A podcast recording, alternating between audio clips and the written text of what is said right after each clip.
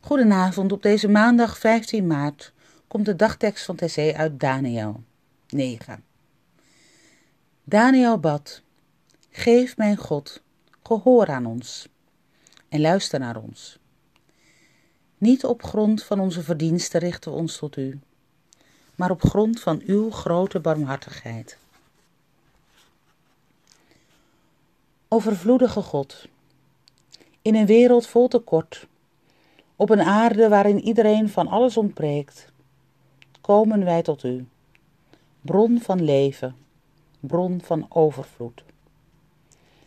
Christus zegt dat u geen steen geeft wanneer wij brood nodig hebben.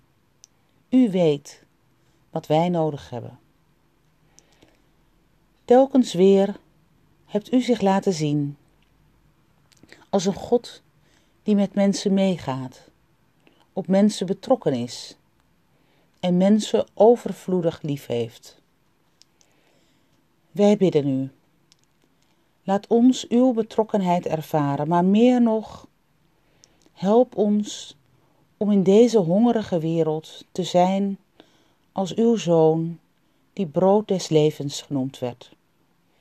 Help ons om in navolging van hem gevangenen te bezoeken zieken te verzorgen, armen bij te staan, radeloos te bewaren, verdrietigen te troosten, angstigen gerust te stellen, om zo beeld te zijn van uw liefdevolle vaderhart. Laat uw koninkrijk van vrede en recht dichterbij komen in ons leven. In Jezus' naam.